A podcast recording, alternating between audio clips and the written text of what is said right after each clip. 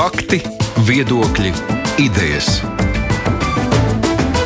Raidījums Krustpunktā ar izpratni par būtisko. Studijā Agnese Linka un Krustpunktā pirmdienā šis ir lielās intervijas laiks. Nils Saks Konstantinovs ir pusauģu un jauniešu psihoterapijas centra vadītājs, un jau pandēmijas laikā mēs daudz vaicājām un arī uzklausījām viņa viedokli par sērgas un tai sekojošo ierobežojumu postošo ietekmi uz jauniem cilvēkiem. Arī pēdējā laikā viņa sacītais ir izskanējis skaļi, piemēram, saistībā ar tā sauktajiem vardarbības grozījumiem izglītības likumā, kur daļai likumdevēja bija vēlme bērniem ar uzvedības problēmām liekt apmeklēt skolu, tā vietā piedāvājot mājmācību. Mūsu viesis pauda gatavību kopā ar nozares kolēģiem vērsties pat kādās starptautiskās institūcijās, ja likumā tiktu veiktas šādas izmaiņas. Tāpat viņam ir daudz ko teikt par pusauģu dzimumu identitātes traucējumiem, kas nu patiek piesaukti kā klupšanas akmens nākamās valdības koalīcijas veidošanā, un ir arī vīzija, ko darīt ar tādiem pusauģiem, kad palika uz ielas pēc nesen ar skandālu likvidētās naukšānu pāraudzināšanas iestādes slēgšanas.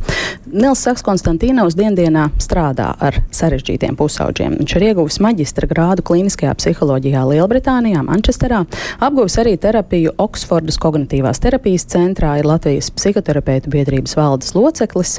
Nu, to visu par Nilu Saks Konstantīno vēsta Širklis Latvijas Universitātes tiešsaistes mācību platformā, kur arī skatāms viņa lekcijas.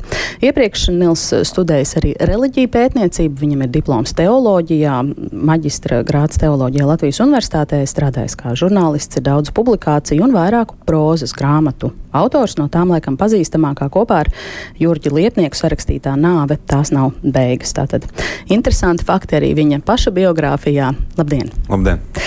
Vai jūs pats vēl kaut ko pievienotu, svītrotu vai akcentētu no šī tāda biogrāfijas pārskata, ar ko es eh, sāku, ar, no šī uzskaitījuma? Šķiet, jūs minējāt svarīgāko. Man pašam vēl gribētos eh, droši vien pievienot tā saistībā, jūs pieminējāt dzimumu identitātes tēmu. Eh, es šobrīd veicu doktorantūras pētījumu eh, Kārļa Lielā universitātē, kas ir Prāgā.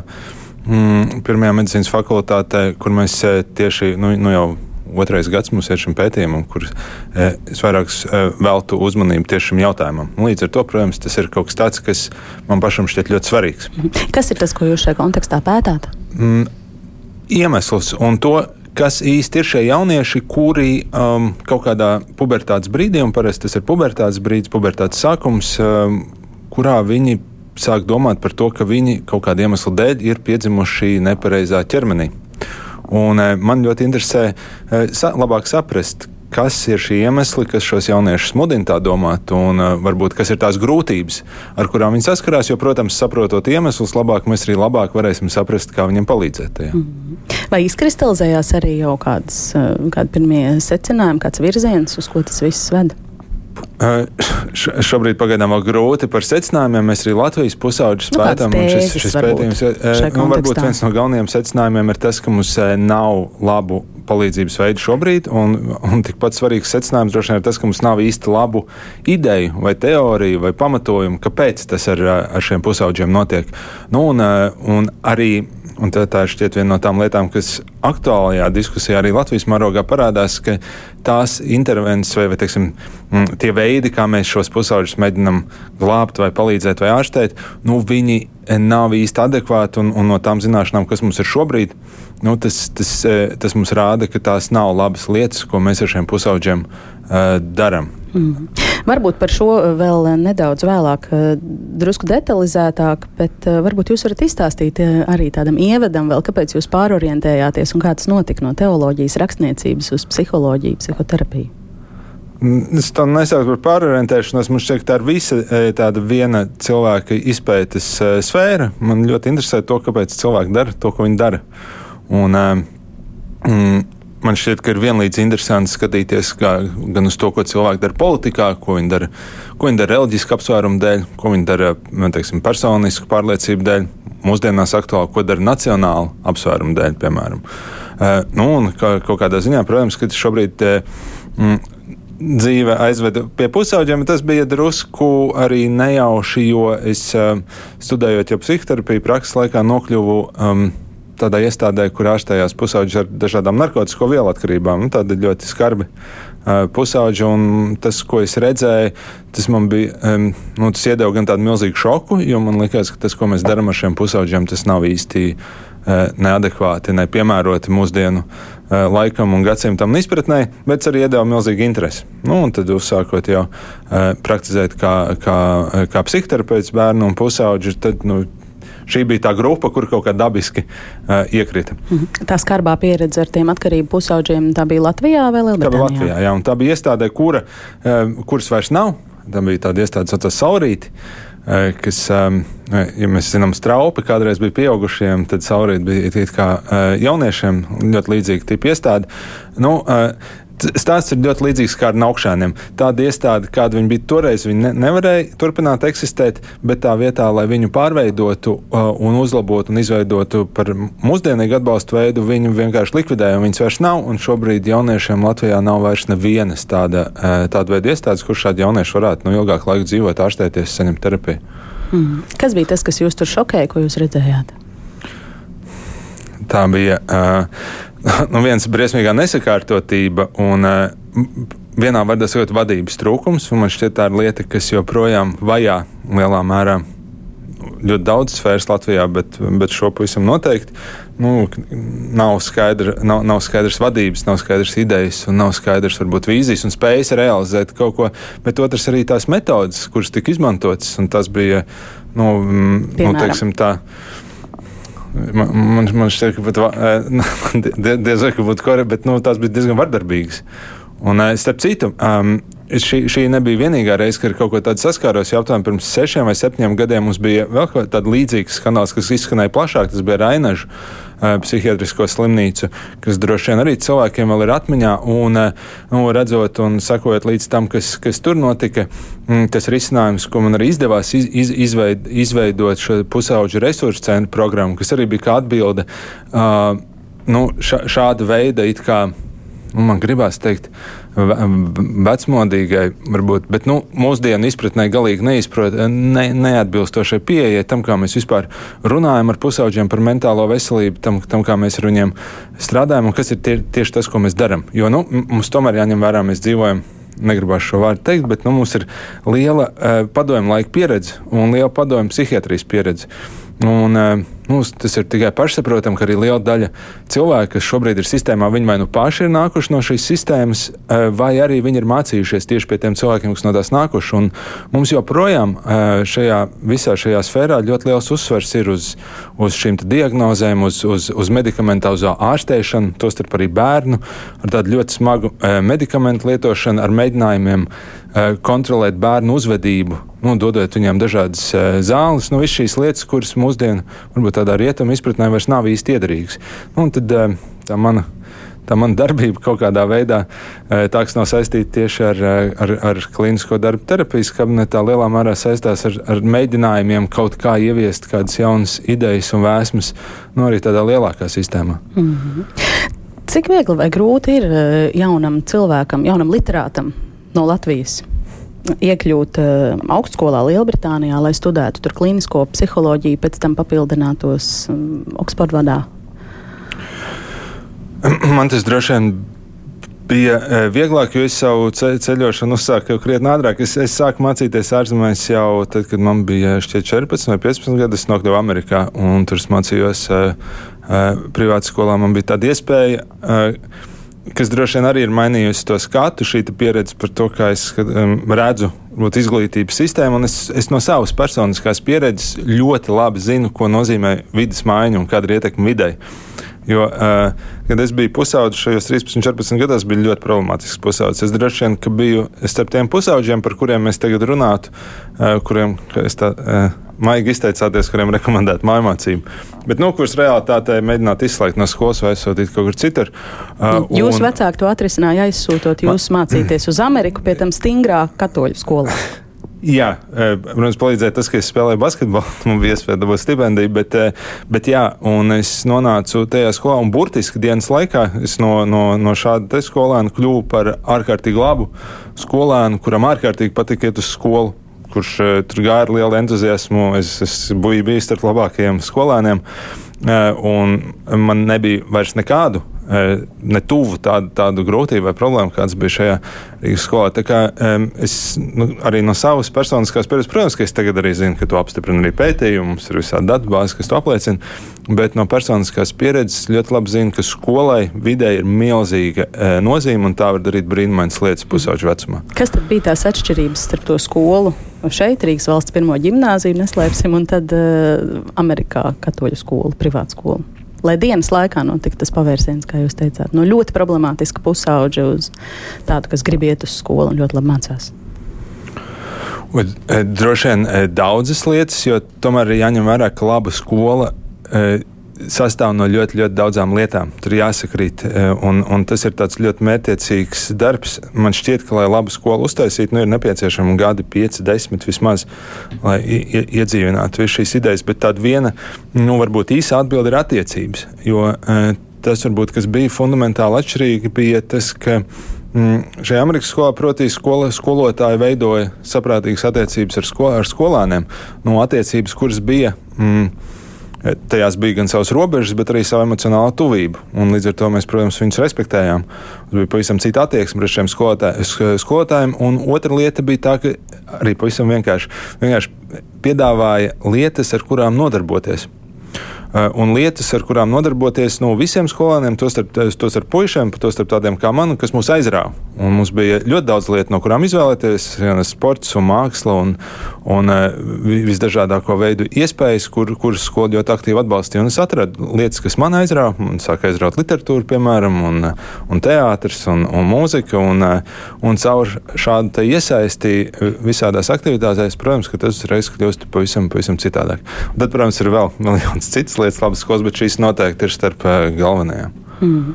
Un kas ir tas citādais skatījums, ja jūs tā salīdzinātu, piemēram, ar tādām mūsdienīgām, tām pašām brītu pieejām, eh, jūsu studiju jomā un mūsdienīgām, ne padomju, bet mūsdienīgām Latvijas, eh, mūsdienīgu Latvijas skatījumu šajā jūsu nozarē? Kur ir tās lielās atšķirības? Tādas ir?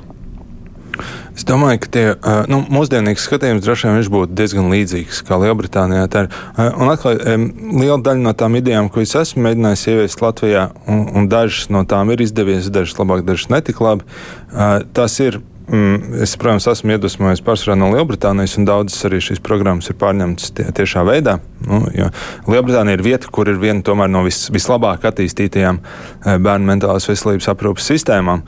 Eh, varbūt tas, kas ir atšķirīgs, ir. Eh, un, un to, ko redzam, mums ir ārkārtīga vēlme pēc centralizācijas. Mums viss notiek uh, ārkārtīgi centralizēti. Un, uh, pie, piemēram, ja mēs kādu programmu mēģinām ieviest vai, vai kādu palīdzības veidu, tad, eh, tad to visu ir vēlme padarīt par tādu valsts centralizētu pasākumu un, un, un, un veidot masveidā. Un, eh, mums, mums šobrīd ir tāds eh, projekts virtuālās realitātes terapija, ko mēs īstenojam ar Valsts bērnu tiesību aizsardzības inspekciju kopā. Un tur mēs arī saskaramies ar šo problēmu, ka ir, ir nepieciešamība, tik, tikko ir kāda ideja vai, vai kāds jauns pakalpojums, ir nepieciešamība piedāvāt masveidā un centralizēti absolūti visi, bet, bet šīs lietas un viss, kas attiecās uz bērnu mentālo veselību, ir ļoti individuāls. Un, un tas ir kaut kas ļoti personisks. Un es domāju, ka mums nevar strādāt tādas lielas masveida kaut kādas programmas, šausmīgi birokrātiskas, un kas, kas it kā mēģina aizsniegt visus, palīdzēt visiem, bet finālā nepalīdz īsti nevienam. Un es domāju, ka tā atslēga slēdzā, slēpjas tieši otrādi. Tā, tā slēpjas mm, nu, tādos uh, ma mazās, mazās idejās, kuras dzīvo uz vietas, kuras dzīvo uz vietas, tur, kur jaunieši reāli ir, skolās, parkos. Uh, varbūt arī vietās, kur viņiem nevajadzētu būt dažādos jauniešu centros, un tās ir tās vietas, ar kurām mēs, mēs patiesībā varam tos jauniešus aizsniegt un arī visvairāk viņiem palīdzēt. Mm. Un nevis tādas milzīgas kaut kādas valsts centralizētas programmas un, un Var, un varbūt noslēdzot tā otra lieta, ko gan var redzēt Latvijā, milzīgi, ir šī te, man, man šķiet, tā jau nedaudz sāk kļūt par varbūt kolēģi iebildīs, bet par tādu kā apsēstību ar, ar šo psiholoģiskajiem pakalpojumiem. Jo nu jau nu pat jau sāk izklausīties, ka eh, psihologs ir kā atbilde uz pilnīgi visām dzīves problēmām. Ja jums bērns nemācās, tad viņam ir nepieciešama psihologa konsultācija, viņam ir depresija, viņam ir psihologa konsultācija, trauksmes psihologa konsultācija. Ja mēs kā e, sviežam šīs psihologa konsultācijas un visus mēģinām, visus pakalpojumus mēģinām izveidot tā, lai bērniem būtu pieejams pēc vairāk, iespējas vairāk psihologa konsultācijas, bet šī galīgi vairs nav tas virziens, kurā it sevišķi pēc pandēmijas mm, pieredzes, kurā nu, e, ietu liela daļa pasaules, jo mēs saprotam, ka pirmkārt tas nav ja godīgi, tas nav pārāk efektīvi, vienkārši nav pārāk palīdzoši. Otrs, tik daudz psihologu nekad dzīvē nebūs. Eh, lai apkalpotu katru bērnu, un treškārt, nu, tas ir pārāk dārgi un pārāk neefektīvi. Un kas tā vietā tad ir tas palīdzošais, efektīvais? Jā, tā, tā vietā eh, mēs domājam tiešām līdzīgi kā es minēju par tām vietām, kur bērni un jaunieši jau ir. Tās ir tās mazās, tās ir nu, no vienas puses tādas sadrumstalotās iniciatīvas. Jā, tās, jo, ja kaut kas ir visaptverošs, tad tas, tas ir pieejams visiem. Protams, un, un līdz ar to tas, tas īsti neaizsniedz tos konkrētos cilvēkus. Bet, piemēram, skolas, eh, veselīgas skolas, mentāli veselas skolas tā vietā, lai eh, mēs meklētu un taisītu psihologu pakalpojumus, kur ārpusē. Un tas, starp citu, tā nav pat, pat ne mana ideja, tā ir Pasaules veselības organizācijas rekomendācija pēc pandēmijas, kurā mēs labāk sapratām, kā vispār strādā pusauģu mentālā veselība eh, un bērnu. Un cik tā liela nozīme. Šī rekomendācija bija visus pakalpojumus vērst pārsvarā uz skolām, uzlabojot skolu vidi.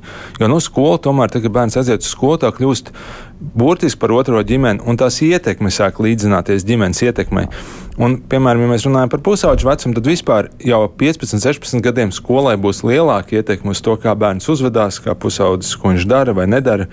Mm, kādas ir viņa domas, uzvedība, ne, nekā ģimenes vidē. Nu, tā ir realitāte, un ģimenes iespējas ietekmēt ir daudz mazākas. Tad kā tad panākt to, lai mums ir mentāli veselīgas skolas, kas ir jādara? Šis, šis, protams, ir zelta jautājums. Mm. Ir, ir diezgan viegli atbildēt uz jautājumu, ko izdarīt, lai viena skola ir mentāli vesela. Tad mums ir zināmas aptuveni lietas, kuras šajā skolā būtu nepieciešamas. Mums ir zināms, protams, tas nav viegls ceļš, tas parasti ir ilgs. Uh, Nereti tas arī, nu, tas, protams, kaut ko maksā, tur ir izmaksas, bet vienu skolu mēs zinām, kā padarīt diezgan mentāli veselu. Tā, tā sarežģītā lieta ir, kā padarīt daudzas skolas tādas, un ir ceļš Latvijas situācijā. Bet, ja jūs prasītu tādu vienu ātru atbildi, ja godīgi man šķiet, ka ir nepieciešama, ka tā grūtības slēpjas tajā, ka nav īsti labas vadības un nav īsti labas mm, idejas no, nu, teikt, no augšas, bet, bet, bet virzība, kas šo ideju paņemtu un vienkārši nestu kā ļoti svarīgu lietu. Jo, un, un, un tā gan ir. Mēs arī zinām, no skolā mēs daudz runājam par to, ka viss atkarīgs no skolotāja. Patiesībā jau skolā. E, nu, Te jau viss ir atkarīgs no direktora. Nu, tas tā, tāds ir. Jebkurā dzīves sistēmā svarīgākie ir tie vadītāji un viņu idejas un pārliecības. Un, e, ja, ja nav tad ļoti skaidra augšējā virzība par to, ka tas, uz ko mēs koncentrēsimies, tas būs tas, lai bērnu skolā justies labi. Nu, tad, protams, arī nekas, kaut ko tālāk no apakšas ieviest ir diezgan grūti. Mm -hmm. um. Normons jautā, ja manu bērnu skolā regulāri piekauj viens alternatīvi apdāvinātais, ko man darīt? Un te nav runas, ka viņš nespēja sevi kontrolēt, viņš to dara apzināti, jo ir nesodāmības apziņa. Normons jautājumam pieplusošu savējo par tā sauktajiem vardarbības grozījumiem izglītības likumā runājot, kas tomēr netika tālāk virzīt. Jūs bijāt starp tiem 30 uh, NVO pārstāvjiem, kas parakstīja aicinājumu šos likuma grozījumus neturpināt virzīt un arī valsts prezidentam tos neizsludināt, ja tāda tomēr tiktu pieņemta, kāda bija tā jūsu argumentācija, atbaldu, atbildot arī Normundam? Mm -hmm. um. Argumentācija, un, un tur mēs bijām viensprāts ar, ar visiem e, speciālistiem, kas strādā šajā nozarē un kas, pēc, un kas sniedz gan terapiju, gan citu veidu atbalstu e, pusauģiem un bērniem. E, tā īsa atbilde ir tāda, ka, ja mēs izņemam šo bērnu no ģimenes, e, mēs e, uz kaut kādu laiku vienkārši izolējam šo problēmu, un patiesībā mēs liekam šai problēmai pieaugt. Es iedošu vienu e, diezgan vieglu e, piemēru, kā šis izpaudās, un tas izpaudās šajā traģiskajā liepais gadījumā, e, kas bija tieši šāds pats gadījums. Tad bija ir pusaudzis, kuram ir problēmas bērnu dārzā skolā, kuras netiek risinātas. Mēs viņu izņemam no skolas, noturam mājās kaut kādu laiku, un, protams, kad šis pusaudzis iznāk sabiedrībā, viņš nav saņēmis atbalstu. Ne, e, viņam ne, un, un viņš nu, šajā gadījumā izdarīja e, diezgan e, traģisku noziegumu, uzbru, uzbrukumu vardarbīgu. Bet, sadūr nu, savu skolotāju, lai visiem būtu skaidrs. Un, un, Okay, tad, tad, tad, tas bija ļoti traģisks iznākums, bet, protams, mēs saprotam, ka šie, šiem bērniem, tad, kad viņi iznāks no, šīs, no, šī, no šīm saucamajām mājmācībām, nu, ko, ko mēs ar viņiem darīsim tad? Tad mums atliks viņus tikai nu, ķert uz ielām un likt cietumos vai psihiatriskajās slimnīcās. Nu, tas ir ļoti neprātīgs uh, risinājums. Tā ir uh, īsā atbilde. Respektīvi, tas ārkārtīgi nepalīdz bērnam. Patiesībā tas, un mēs jau tā runājam par mājmācību. Šie pusauģi nav tādi, kas, kas viņus aizsūtīs uz mājām, viņi sēdēs mācīsies mājās. Mēs saprotam, ka tas nozīmē šo pusaudzi izlikt uz ielas. Otra lieta ir nu, tā garākā ir atbilde, ka šajā aprakstītajā situācijā Normanda, kur uh, viņa bērns uh, cieš no vardarbības skolā, tas nozīmē, ka skolā nav adekvāta vide. Nevienam bērnam nevajadzētu ciest. Tā nav normāla situācija, kurā, uh, kurā kāds bērns cieš vardarbību. Un neatkarīgi no iemesla šajā gadījumā tas ir cits vienaudzis tā var būt skolotāji, tas var būt cilvēki uz ielas, tas var būt jebkas. Ja skolā ir šāda situācija, tā nav adekvāta situācija vispār. Jūs metat akmeni, tad es saprotu uh, skolu vadītāju dārziņā šajā gadījumā. E Ne, es drīzāk gribētu pateikt, ka, ja mēs redzam situāciju, kurā skola kaut kāda iemesla dēļ nevar tikt galā ar saviem uzdevumiem, nu, respektīvi, uzturēt drošu uh, skolas vidi visiem bērniem, uh, tad tā nav problēma, tad tā nav atsevišķa bērnu problēma. Jo uh, nu, tomēr arī uzvedība, kad mēs, nu, mēs runājam par šīm dažādām vidēm un kāds ietekmē šī uzvedība, uh, nu, viņi jau radās vidē konkrētā. Nav nekas tāds bērns smadzenēs, viņi nav kaut kādā veidā slimi, nav tādas uh, lietas vai slimības, kas liktu bērnam uzvesties agresīvi tieši skolā. Tas, tas ir kaut kāda, nu, tas notiek konkrētā vidē. Protams, ka ir. Uh, ir vēl cita grupa bērnu, pusauģi tie būs reti, bet tādi, kur nevarēs mācīties šajā, šajā nu, teiksim, skolā eh, bez īpaša atbalsta. Mm, bet tad arī tas ir, tas ir tā ir trešā veida atbilde, ka mēs nevaram viņus izlikt uz ielas eh, vienkārši tāpēc, ka mēs neesam spējuši viņiem nodrošināt citu veidu skolas. Un šis ir stāsts par naukšaniem, kur, eh, kur skola, protams, tā kā viņa eksistē, tā viņa nevarēja turpināt eksistēt, bet mēs, tā, mēs vienkārši aiztaisījām to cietu, un tā vietā mēs neesam radījuši neko jaunu. Bet es gribētu vēl pavisam īsi pateikt eh, tomēr šim rakstītājam, jo skaidrs, ka tā attālināt runāt par lietām ir ļoti nu, ir vienkāršāk. Un tagad tā situācija ir reāli jūsu bērns, tā ir pavisam cita. Un, un pilnīgi noteikti, un es domāju, ka katra vecāka tas galvenais uzdevums ir izdarīt visu, lai viņa bērns nebūtu šajā situācijā, un šajā, šajā gadījumā pilnīgi jebko, ko tas prasa. Tāpēc, ka mēs zinām, ka vardarbība nu, var ietekmēt bērnu attīstību ļoti dažādos un, un ļoti sliktos veidos. Un tā dzīves realitāte tomēr, diemžēl, ir tāda, ka Latvijā skolas ir ļoti vardarbīgas. Un, e, tas nav, šis, šis ir viens aprakstīts gadījums, bet, piemēram, mobbings ir lieta, no kuras cieši visvairāk bērnu. Un skola, kur nevar atrisināt šādu situāciju, viņi nevarēs atrisināt arī situāciju, kurā ja jūsu bērns cietīs no mobbinga. Viņi nevarēs atrisināt situāciju, kurā jūsu bērns cietīs no depresijas vai trauksmes. Kā, tiešām šīs nav e, konkrētā bērna problēma. Izņemot pat šo bērnu, mēs neatrisināsim mm. to lietu. Ļoti liela sabiedrības daļa, un mēs arī redzījumā ģimenes studiju, ko es ikdienā vadu, e, esam daudz diskutējuši par šo šo, un ļoti liela daļa uh, sabiedrības uzskata, ka tā ir vecāku lieta. Un ģimenē tas ir jāspēj atrisināt. Ģimenē. Um, tas no vienas puses ir tāds filozofisks jautājums, jo e, es zinu, ka šobrīd ir tāda tendence, un, un it kā visu atvedināt uz ģimeni. Un mēs, protams, arī zinām, ka ģimenei ir liela nozīme ceļš, tad, kad bērns ir pavisam maziņš. Uh, nu, tad ģimenes vide ir tā, kas eh, lielā mērā nosaka to, kā bērns attīstīsies vispār. Bet eh, man, man ir, nu, būsim realistiski, ok, ģimenē, bet šiem bērniem lielai daļai viņiem nav ģimenes. Nu, ir mums sabiedrībā tādi bērni, kuriem nav ģimenes. Pat tad, kad ir. Un, Viņas un tad nav, ir otra daļa bērni. Jā, viņiem ir ģimenes, bet viņas ir disfunkcionāls. Nu, protams, ka ir kaut kāds iemesls, kāpēc šis bērns šādā veidā uzvedās. Skaidrs tā nevien, tas, starp citu, nevienmēr ir atvedināms uz ģimeni. Pilnīgi ne tuvu. Bieži tas ir atvedināms uz skolu. Mums ir bijuši gadījumi, kad bērni kļūst vardarbīgi, tāpēc ka uh, skolotāji pret viņiem ir vardarbīgi. Nu, arī, arī tāds risinājums, protams. Bet es būtu skeptisks par šo te visas atbildības no, novalšanu uz ģimeni. Tāpēc, ka, nu, pirmkārt, atkal mēs zinām, ka skolai, tad, kad bērns jau kļūst lielāks un viņš kļūst pusaudzis, skolai apkārtējai vidē ir daudz jau sāk kļūt daudz lielāka nozīme. Nu, piemēram, sociālā tīkli, e, e, draugi, vienaudži, apkārtējā e, vide, skola, skolotāji, vispārējais tas ietekmē pusaudzi vismaz pa, tikpat ļoti. Un mums nav nekāda pamata šo visu atbildību pārvirzīt uz ģimeni. Un, un vēl man šķiet, ka arī tomēr ir, nu, būsim godīgi, bērnus izaudzināt ir ļoti sarežģīti nu, ir jums tāds pusaudzis ģimenē, nu, ko jūs darīsiet? Vai ir, ir viena mamma vientuļā, kas audzina 15, 16 gadīgu vecu pusaudzi, nu, ko tieši viņi izdarīs ar viņu, kā viņi viņu savaldīs? Nu, tās ir tādas uh, drusku fantāzijas. Domāju, ka mēs arī izvairamies no, no, no kopējās atbildības, jo nu, cilvēki tā vienmēr veidojušies, ka mēs bērnus audz, audzinām kolektīvu. Tāpēc jums ir skolas. Tikpat labi mēs varētu teikt, nu, bērns arī izglītot, varētu būt ģimenes atbildība, kāpēc mums vajadzīgas skolas un tā tālāk. Mm -hmm. Andris mums raksta, nekas jauns nav jāizdomā. PSRS laikos visi vardarbīgie atradās spēcskolās un psihslimnīcās. Tas pats ir jāatjauno un uh, būs ok. Mēs pēc pavisam maz brītiņa turpināsim šo sarunu. Raidījums Krustpunktā.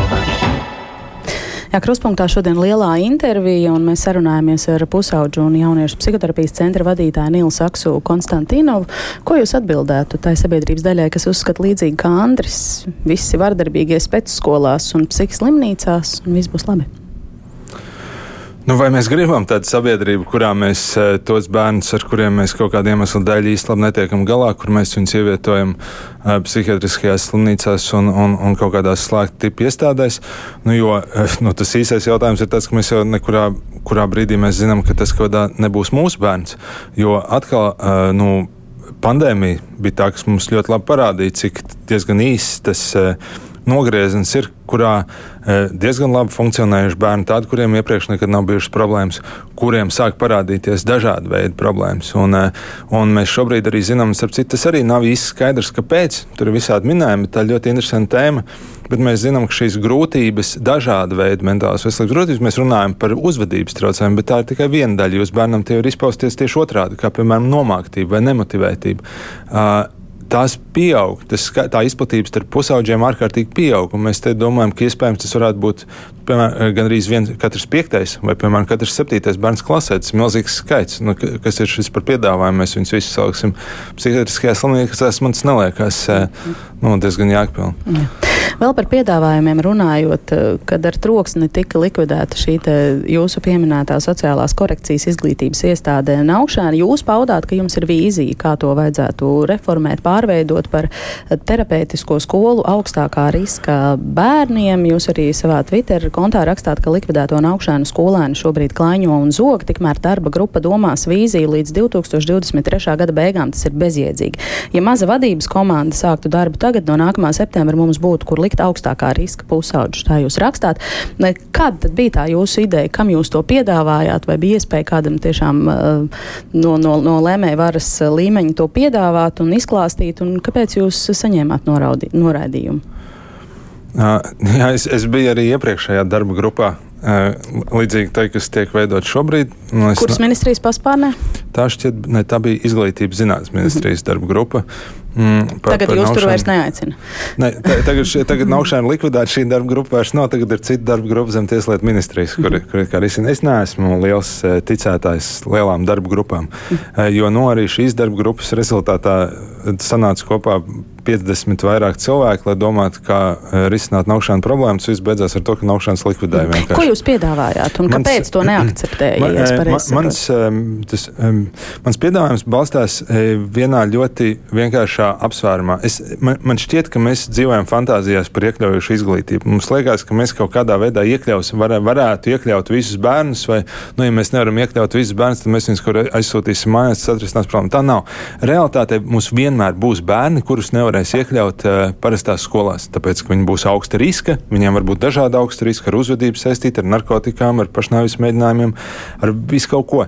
Viņiem vajag atsevišķu vidi. Mm, atsevišķu skolu, tādu skolu, kurā ir pieejams nu, ļoti nopietns atbalsts, tostarp ir ļoti paaugstināta drošība. Un viss šīs lietas, tieši kā minētajā klausītāja gadījumā, lai, lai tas neradītu riskus apkārtējiem. Un tas veids, kā šo risina citās vietās, eh, rietumu pasaulē, eh, ASV ir ar šādu veidu terapeitiskajām skolām. Ar skolu, kuras nu, primārais uzdevums patiesībā ir šim bērnam palīdzēt terapeitiski, eh, kurā visa skolas vide, visi skolotāji, viss vis process ir veidoti tā, lai nu, palīdzētu viņam sakārtot šo savu pasauli. Jūs piedāvājāt šādu veidot, pie... kāpēc uh, to neakceptējat? Un es piedāvāju, pie tam tas mans piedāvājums nebija domāt neko no jauna. Es piedāvāju paņemt jau gatavu modeli, kas ir uh, ASV uh, universitātē aprobēts, un, uh, un ko viņi piedāvā kā. Uh, um, kā gatavu paketi. Jūs nopērkat paketes, eh, un jūs ieviešat, viņi apmāca speciālistus, viņi, viņi eh, izstrādā pilnīgi visas noteikumus. Tā ir gatava lieta. Šādas paketes eh, pēc šī pašas programmas, šādas skolas darbojās viscaur Eiropai. Mm. Līdz ar to tur ir jau daudz gadu pieredze, kāds, kāds varētu nevarētu strādāt. Es domāju, mums nevajag neko šeit domāt uz vietas pašiem. Tas mums aizsaka ļoti daudz atteica? laika. Par to nebija interesi šajā darba grupā. Restiet, nu, man tika atbildēts, ka, protams, mēs varam pied, e, turpināt piedāvāt šo redzējumu darba grupas ietvaros. Tā darba grupa bija daudz desmit cilvēku, un e, tas process bija ļoti garš. Un finālā tas risinājums, ko, ko arī um, izglītības zinātnes ministrs izvēlējās, bija uh, īsti neskaidrs. Viņi mēģināja pieņemt psihologu darbā vēl ko, un, un, un, un, un līdz ar to tas, uh, tas nekādu interesi neizraisīja. Vien, vienmēr sakot, Mm. Nebija interesi par to. Uh, nu, un beigās mēs, man, man šķiet, ka arī skaidrs, kāpēc nebija interesi. Jo izstāsta, ka jau no paša sākuma doma bija likvidēt vienkārši naukšanas, un, un tur neviens īpaši ieguldīties negribēja. Mm. Bet no tā problēma šajā ir tā, ka, lai šādu uh, lietu īstenotu, te, nedē, te nevajag nekādas garas, daudz gadu garumā, daudz desmit cilvēku darbu grupas. Tur ir nepieciešama viena maza cilvēku komanda, kurai deleģēt to atbildību, bet otra lieta ir tā, ka, lai viņa ieviešanas periods vien ir divi gadi. Nu, mums jābūt diezgan realistiskiem. Kaut ko šādu projektu īstenots ir diezgan ilgi, un arī uz to īsti man šķiet, nu, politiķi ne, nebija gatavi, tāpēc, ka skaidrs, ka ir izcinājumi, kā vajadzēja uzreiz, mm un tagad. Nu, un risinājums bija slēgšana. Šodien jūs savā Twitter kontā rakstāt agresīvos skolēnus par vardarbības grozījumiem, tā sauktiem runājot. Agresīvos skolēnus nevarēs izlikt no skolas, bet risinājums ir vajadzīgs tagad. Tiks gatavots ziņojums, kas ir labi, taču reāli agresīvās uzvedības problēmas skolās ir tieši šodien, un no tās cieš gan klases, gan skolotājas. Piedāvāja trīs punktus, kurus var realizēt uzreiz. Kāds šajā ziņā ir tas jūsu piedāvājums, bet tā konspektīvi tiešām trīs punkti. Jā, uh, piedāvājums vispirms sākt ar visaugstākā riska, visaugstākās bīstamības pusauģiem. Pirmais punkts ir uh, iz, izveidot uh, mobilās speciālistu komandas. Un tas nozīmē, to, ka mēs nevaram ielikt katrā skolā tādu speciālistu komandu, bet mēs varam izveidot dažas tādas, kuras izbraukt uz krīzes situācijām. Tad, kad ir šāds skolēns, kurš, piemēram, terorizē vai uzbruk skolotāju vai klases biedriem, šī komanda var izbraukt un strādāt, cik nepieciešams dienas vai pāris nedēļas, lai šo situāciju uh, uh, nu, sakārtotu līdz tam, ka ir kaut kāda drošība un skaidrība par tālāko. Otrais punkts ir uh, pozitīvās uzvedības programmas ieviešana tajās skolās, kur ir visvairāk šo problēmu. Un pozitīvās uzvedības programmas nozīmē pārkārtot skolas ikdienu, nedaudz nozīmē ieviest lietas, kuras ir pētnieciski pierādītas kā tās, kas maina pusauģu uzvedību novērš vardarbību. Un, piemēram, siltas brokastis, piemēram, klases solu pārkārtojums, piemēram, fiziskās aktivitātes visas dienas garumā, lai, lai mazinātu spriedzi. Uh, Un, protams, tas neatrisinās visas problēmas, bet mēs zinām, ka aptuveni 60% no tādiem vardarbības uzliesmojumiem šādā veidā mēs varam samazināt. Uh, un trešā lieta ir tā, ka sākt darbu šodien pie terapeitiskās skolas izveides, tāpēc ka šī problēma e, nekur nepazudīs, arī naukšana bērni nekur nav pazuduši. Viņi šobrīd klaņo pielām zog, e, iekuļās jaunās problēmās. Mums ar šiem bērniem būs kaut kas jādara. Mums vajag vietu, kur, ja klasē ir tāds bērns, ar kuru galīgi netiek galā, uz kuriem mēs viņu varētu nosūtīt. Un šīs terapeitiskās skolas būs risinājums, bet tas reāli jāsāk darīt šobrīd. Un, ja mēs darītu šobrīd, tad nākamā gada 1. septembrī mēs varētu jau pirmos skolēnus tādā skolā uzņemt. Mhm. Vai jūs redzat, ka ir iespējas atbildīgajiem lēmējiem atkal šo piedāvāt? piedāvāt, izklāstīt, tikt uzklausītam? Iespējas piedāvāt noteikti ir, par to es esmu optimistisks. Uh, Nu, to, tā lai nepaliek Twitter to, līmenī to, tikai. To, to, to es arī darīšu. Un mums arī plāns arī ir turpināt strādāt kopā ar tām organizācijām, kas, kas jau iesaistījās šī jautājuma risināšanā, kur, kuriem kopā mēs rakstījām šo vēstuli. Turpināt strādāt pie, pie lielākas plāna un stratēģijas. Piedāvāt mēs noteikti varam. Uh, nu, tas vienmēr ir jautājums par to, cik liela interese kādam tajā pretējā galā ir. Mm. Par sadarbības organizācijām runājot un domājot, pirms kādu laiku mēs iepazinām jūs kā pusauģu resursu centra vadītāju. Tas tapu sadarbojoties ar bērnu slimnīcas ārstiem un speciālistiem, domu biedriem. Šobrīd jūs tur vairs nestrādājat, jūs esat atšķēlies un dibinājis savu praksi pusauģu un jauniešu psihoterapijas centru. Kāpēc tā? Pusauģu resursu centrs ir programma, psiholoģiska atbalsta programma, kuras izveidoja. Tās doma ir nodrošināt bezmaksas psiholoģisku atbalstu pēc iespējas plašākās. Mm, pla, mm, plašākā pārklājumā, tos starp reģionos Latvijā. Un šo programmu nu, sniedz kāds viens vai otrs uh, pakalpojums sniedzējs. Uh, tagad es biju to izveidojis, tā man interese ir uh, psihoterapija un jaunu pakalpojumu. Un, šis te, kā nākamos pakalpojumus sāk veidot tieši specializēta psihoterapija, kas jau ir ilgstošāka, un tas tie ir pakalpojumi, kurus valsts neapmaksā. Un tie mm. ir pakalpojumi, kas nepieciešami nu, jau nopietnāk, smagāk rakstura pusauģiem. Un e, tā otra lieta, kur, kur es šobrīd attīstu, ir jauna tehnoloģija izmantošana. Mm.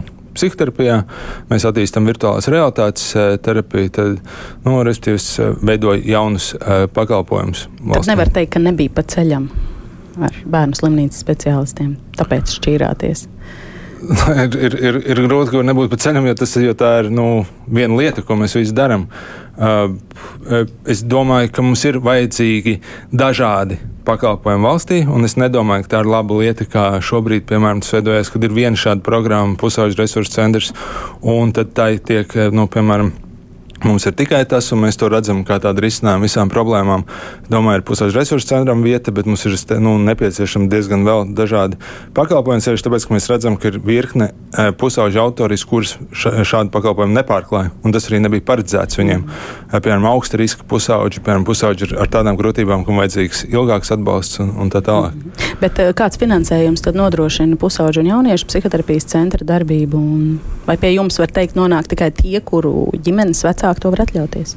Absolūti nē. Mums, piemēram, ir, mums ir dažādi, e, protams, kā jau minēju, e, valsts šobrīd neapmaksā psihoterapiju vispār. Nu, ja runājam, tas nav pakalpojums, ko varētu apmaksāt valsts, un tāpēc, tāpēc tas ir relatīvi ilgs arī un, un dārgs pakalpojums. E, mums ir dažādi, mums ir privātais, par privāto finansējumu cilvēki un ģimenes.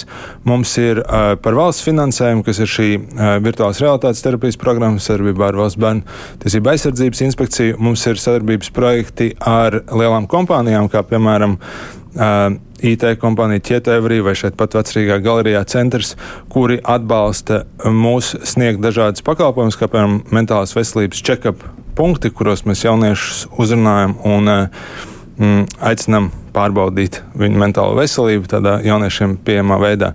Līdz ar to tas diezgan dažādi. Mm.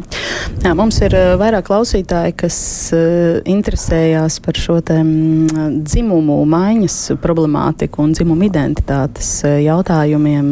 Ilza raksta, lai Konstantīnovs pasaka skaidri, vai viņš arī atbalsta dzimumu maiņu bērniem, tādā gadījumā viņu bērniem nevar laist um, klāt. Kāpēc, jūsuprāt, vispār politiķi šo jautājumu ir iecēluši tagad savā dienas kārtībā?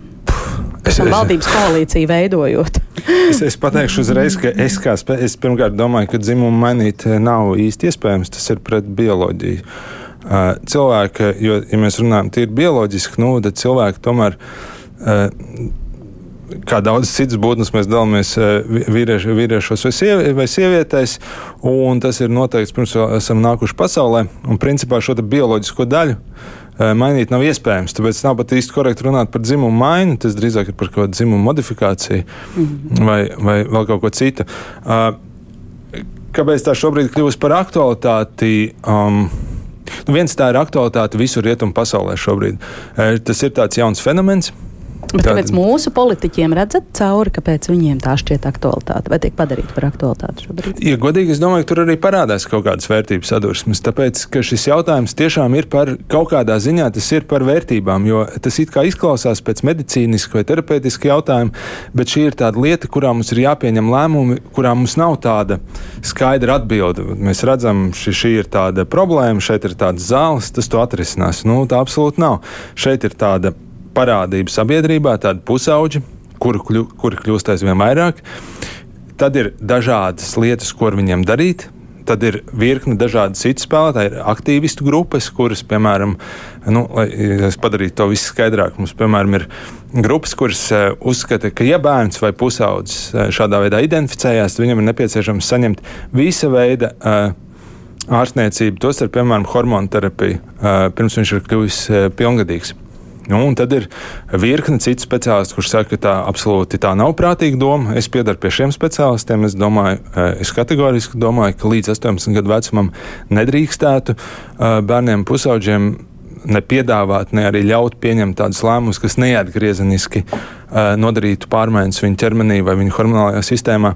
Nu, un šeit ir ļoti, un tad ir politiķi, protams, kas arī pieslēdzās vienai otrai uh, grupai. Un, tā, un tur radās liela spriedze, jo gal galā runa ir par bērniem. Mm -hmm. Bet vienmēr... patiesībā tā ir problēma, kurā ir nepieciešamas kaut kādas izmaiņas juridiskajā regulējumā, tieši domājot par pusauģiem un dzimumu identitātes traucējumiem.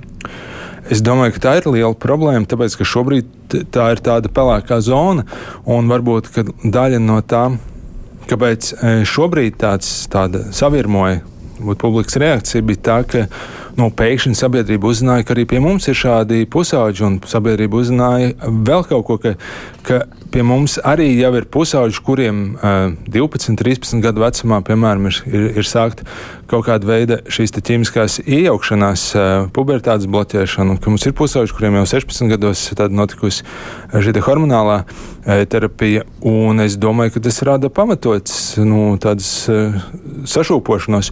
Un tad, protams, ir politiķi, kas uh, kaut kādā veidā uz to rēģējam, piemēram, iesaka uh, vai pauž to, ka šīm pārmaiņām jābūt ātrākām vai vieglāk pieejamām.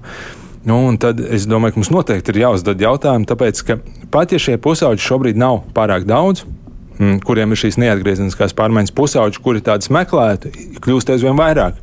Un manuprāt, ka pat ja mums ir viens vai divi vai pieci tādi bērni, nu, ko tas maina, mums ir, ja, mēs, mēs šiem bērniem nodaram neatgriezeniskas pārmaiņas. Ja mēs ietekmējam viņu dzīvi fundamentālā veidā.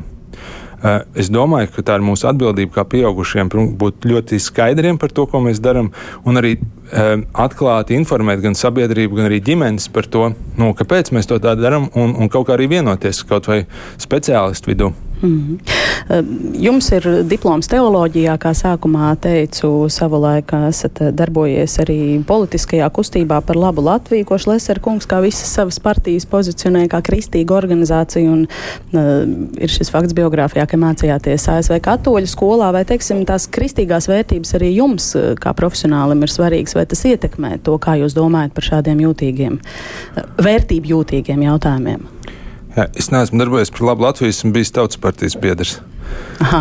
Nu, par labu Latviju jūs bijāt viņu priekšvēlēšana reklāmas kampaņas portāla Bet, redaktors vai kaut kas tāds. Ne. Es domāju, ka tas ir interesants, interesants nu, jautājums, jo mm, es īsti ne, ne, neredzētu, kur šis e, jautājums par to, kādā veidā mēs varam palīdzēt um, mm, pusauģiem un vai nu, teiksim, kaut kādas šīs te hormonālās iejaukšanās pus, pusauģiem līdz 18 gadu vecumam, kurā brīdī tas varētu kļūt uh, par, par kaut kā. Es, un tos, Nē, kā teicāt, tas ir vērtību jautājums. Jā, protams, bet vērtības jau nav tikai teoloģijas jautājums. Ja, ja jūs, piemēram, nopietni uztverat to, ka jūs uh, dzīvojat Latvijā, piemēram, jums ir svarīgs jums ir svarīga jūsu ģimene, eh, tad tās ir jūsu vērtības. Vērtības nav tāda lieta, ko varētu piesavināties tikai reliģija. Un, un, kā psihologs, tomēr vēl teikt, ka vērtības ir lieta, kas virza mūs visus. Eh, varbūt mēs to mm, reizēm īpaši labi neapzināmies, bet tas, par ko mēs runājam šeit, nu, ir diezgan vienkāršs jautājums. Mums ir, uh, mums ir pusauģi ar noteiktu veidu problēmu, mums ir kaut kāda veida risinājumi. Mēs šos risinājumus varam viņiem piedāvāt, un tad ir jautājums, kādas ir šī gala atbildi, kāds ir tas gala iznākums. Un, ja mēs skatāmies um, tīri objektīvi uz datiem, uz pēc, un šeit var runāt kā pētnieks, kurš pēta šos datus, uh, nu, tad principā mēs redzam, ka šīs hormonālās iejaukšanās un, un šī pubertātes apturēšana nedod absolūti nekādus ieguvumus ilgtermiņā šiem pusauģiem, un tā nav nekāda tāda veida iejaukšanās, kuru, um, nu, kur nevarētu panākt ar cita veida līdzekļiem. Mm.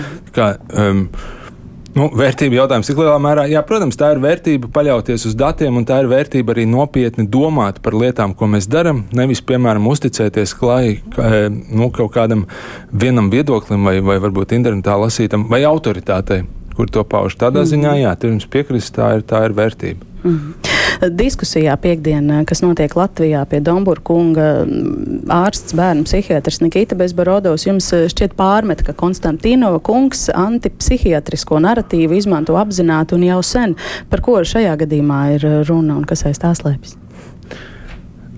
Um, Droši vien to, to ko domā Dr. Bezbarodovs, to viņš labāk pats var, varētu pateikt. Manuprāt, nu, jūs to interpretējāt. Manuprāt, uh, Dr. Bezbarodovs atsaucās uz diezgan tādu diskusiju, kas atkal jau tā ir gadu desmitiem, un tā ir it sevišķi sāsinājusies pēdējos gados.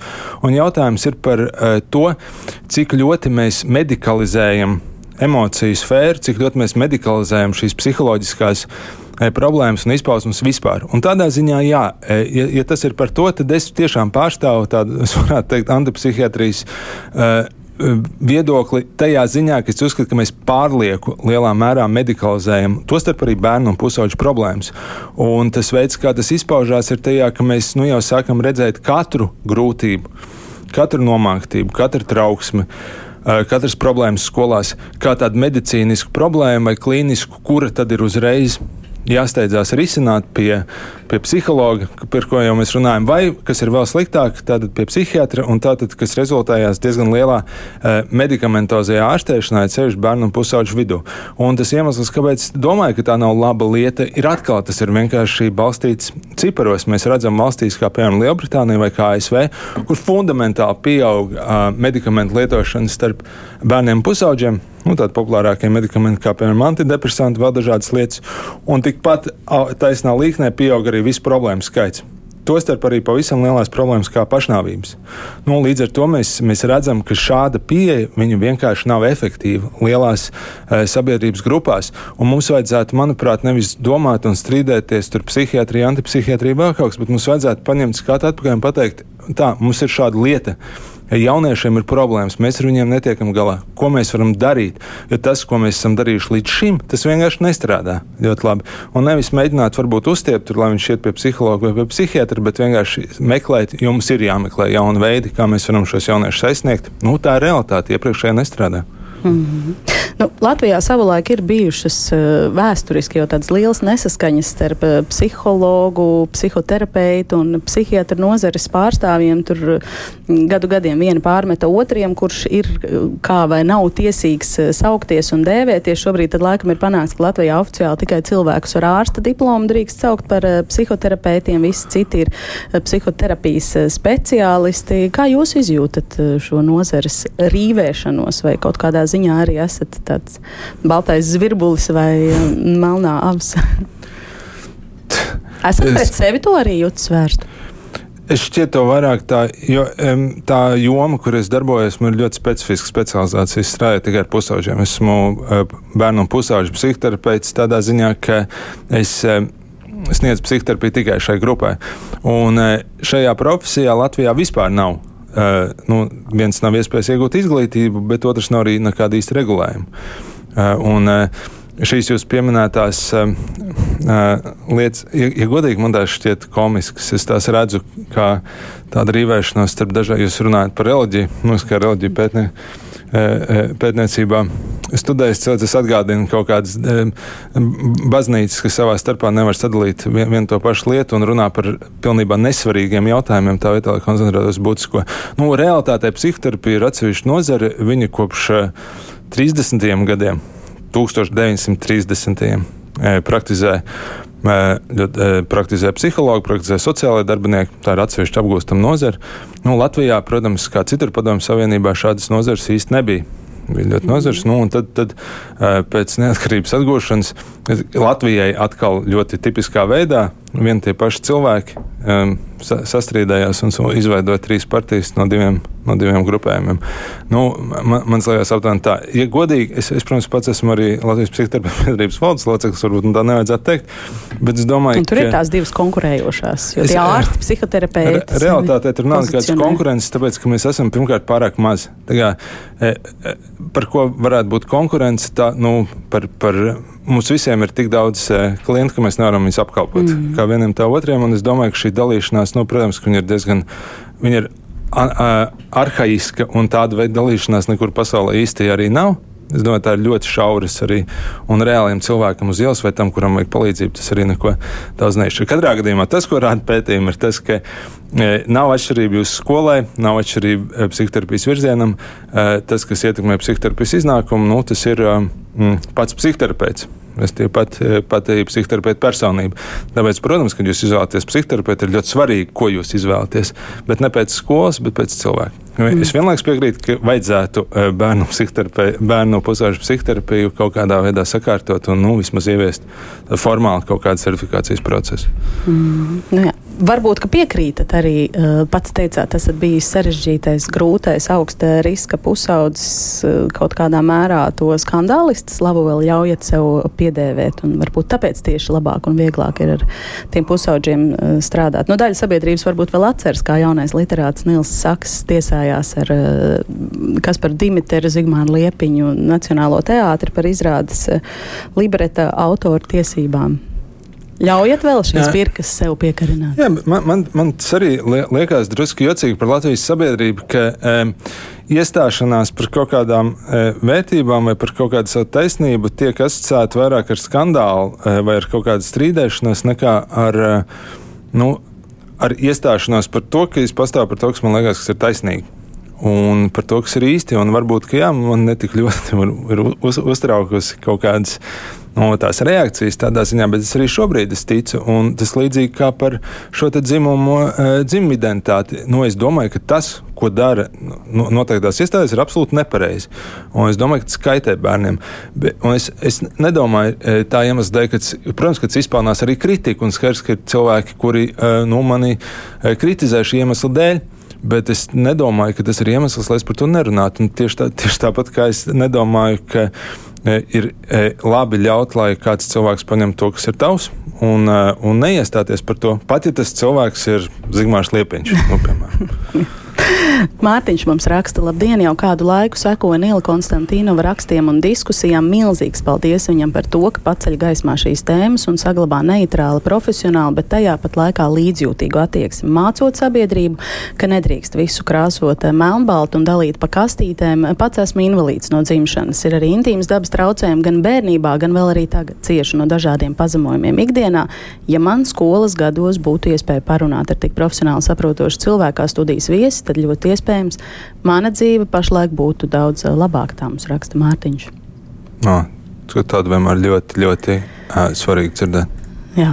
Un arī dzen, Irēna saka vienkārši liels, liels, milzīgs paldies Nilam Saksam Konstantīnovam par viņa darbu, problēmu izpratni un veidu, kā tās risināt. Es piekrītu tik vienam viņa vārdam, ja vien attiecīgajām valsts institūcijām būtu patiesa vēlme apspriežamo problēmu risinājumam, tad vajadzētu sekot viņa norādēm. Vislielākā mūsu valsts institūcija problēma ir tā, ka tām patīk radīt ilūziju, ka tās kaut ko dara, taču reāli tā ir tikai darbības imitācija. Ja pavisam īsa replika uz Es, es gribētu pateikt, vienkārši paldies. Tāpēc, ka, protams, ka ir ļoti svarīgi dzirdēt uh, to, ka cilvēkiem tas šķiet arī svarīgi.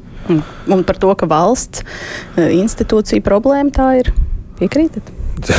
es piekrītu, protams, no, to mēs visi zinām. No, bērnu sfēra nav vienīgā, kurā tas notiek. Mēs labi zinām, ka bieži ierēģi ir vairāk nodarbināti ar to, lai atskaites ir pareizi aizpildītas, nekā ar to, lai reāli ir kaut kāda rezultāta. Kādas iespējas uz viņiem iedarboties eksperta līmenī? O, es, ne, es, es, es nevaru atrisināt visas problēmas. Es domāju, es ne, negribētu sākt eh, domāt par šo problēmu risināšanu. Tas eh, tiešām ir diezgan liels, bet es domāju, ka ja mēs katrs nu, risinātu kaut kādas tās lietas, kurās mēs esam, palī, kurās mēs esam eksperti vai zinoši, vai kurās mēs varam būt palīdzoši, nu, dzīve droši vien kļūtu drusku vieglāk. Jā. Paldies par šo sarunu krustpunktā. Lielajā intervijā šodien mēs sarunājamies ar pusauģu un jauniešu psihoterapijas centra vadītāju Nilu Saksu Konstantinovu, krustpunktā producentu, kā vienmēr Evi Junām, un šodien raidījumu vadīja Agnes Linkus sadzirdēšanos.